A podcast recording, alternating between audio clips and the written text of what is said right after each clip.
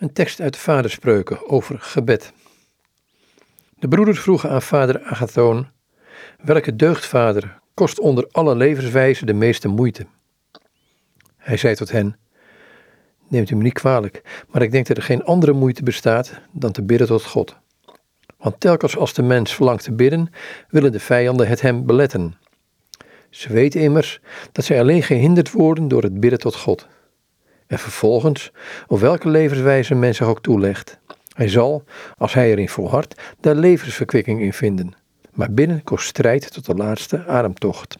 Uit de vaderspreuken was dit.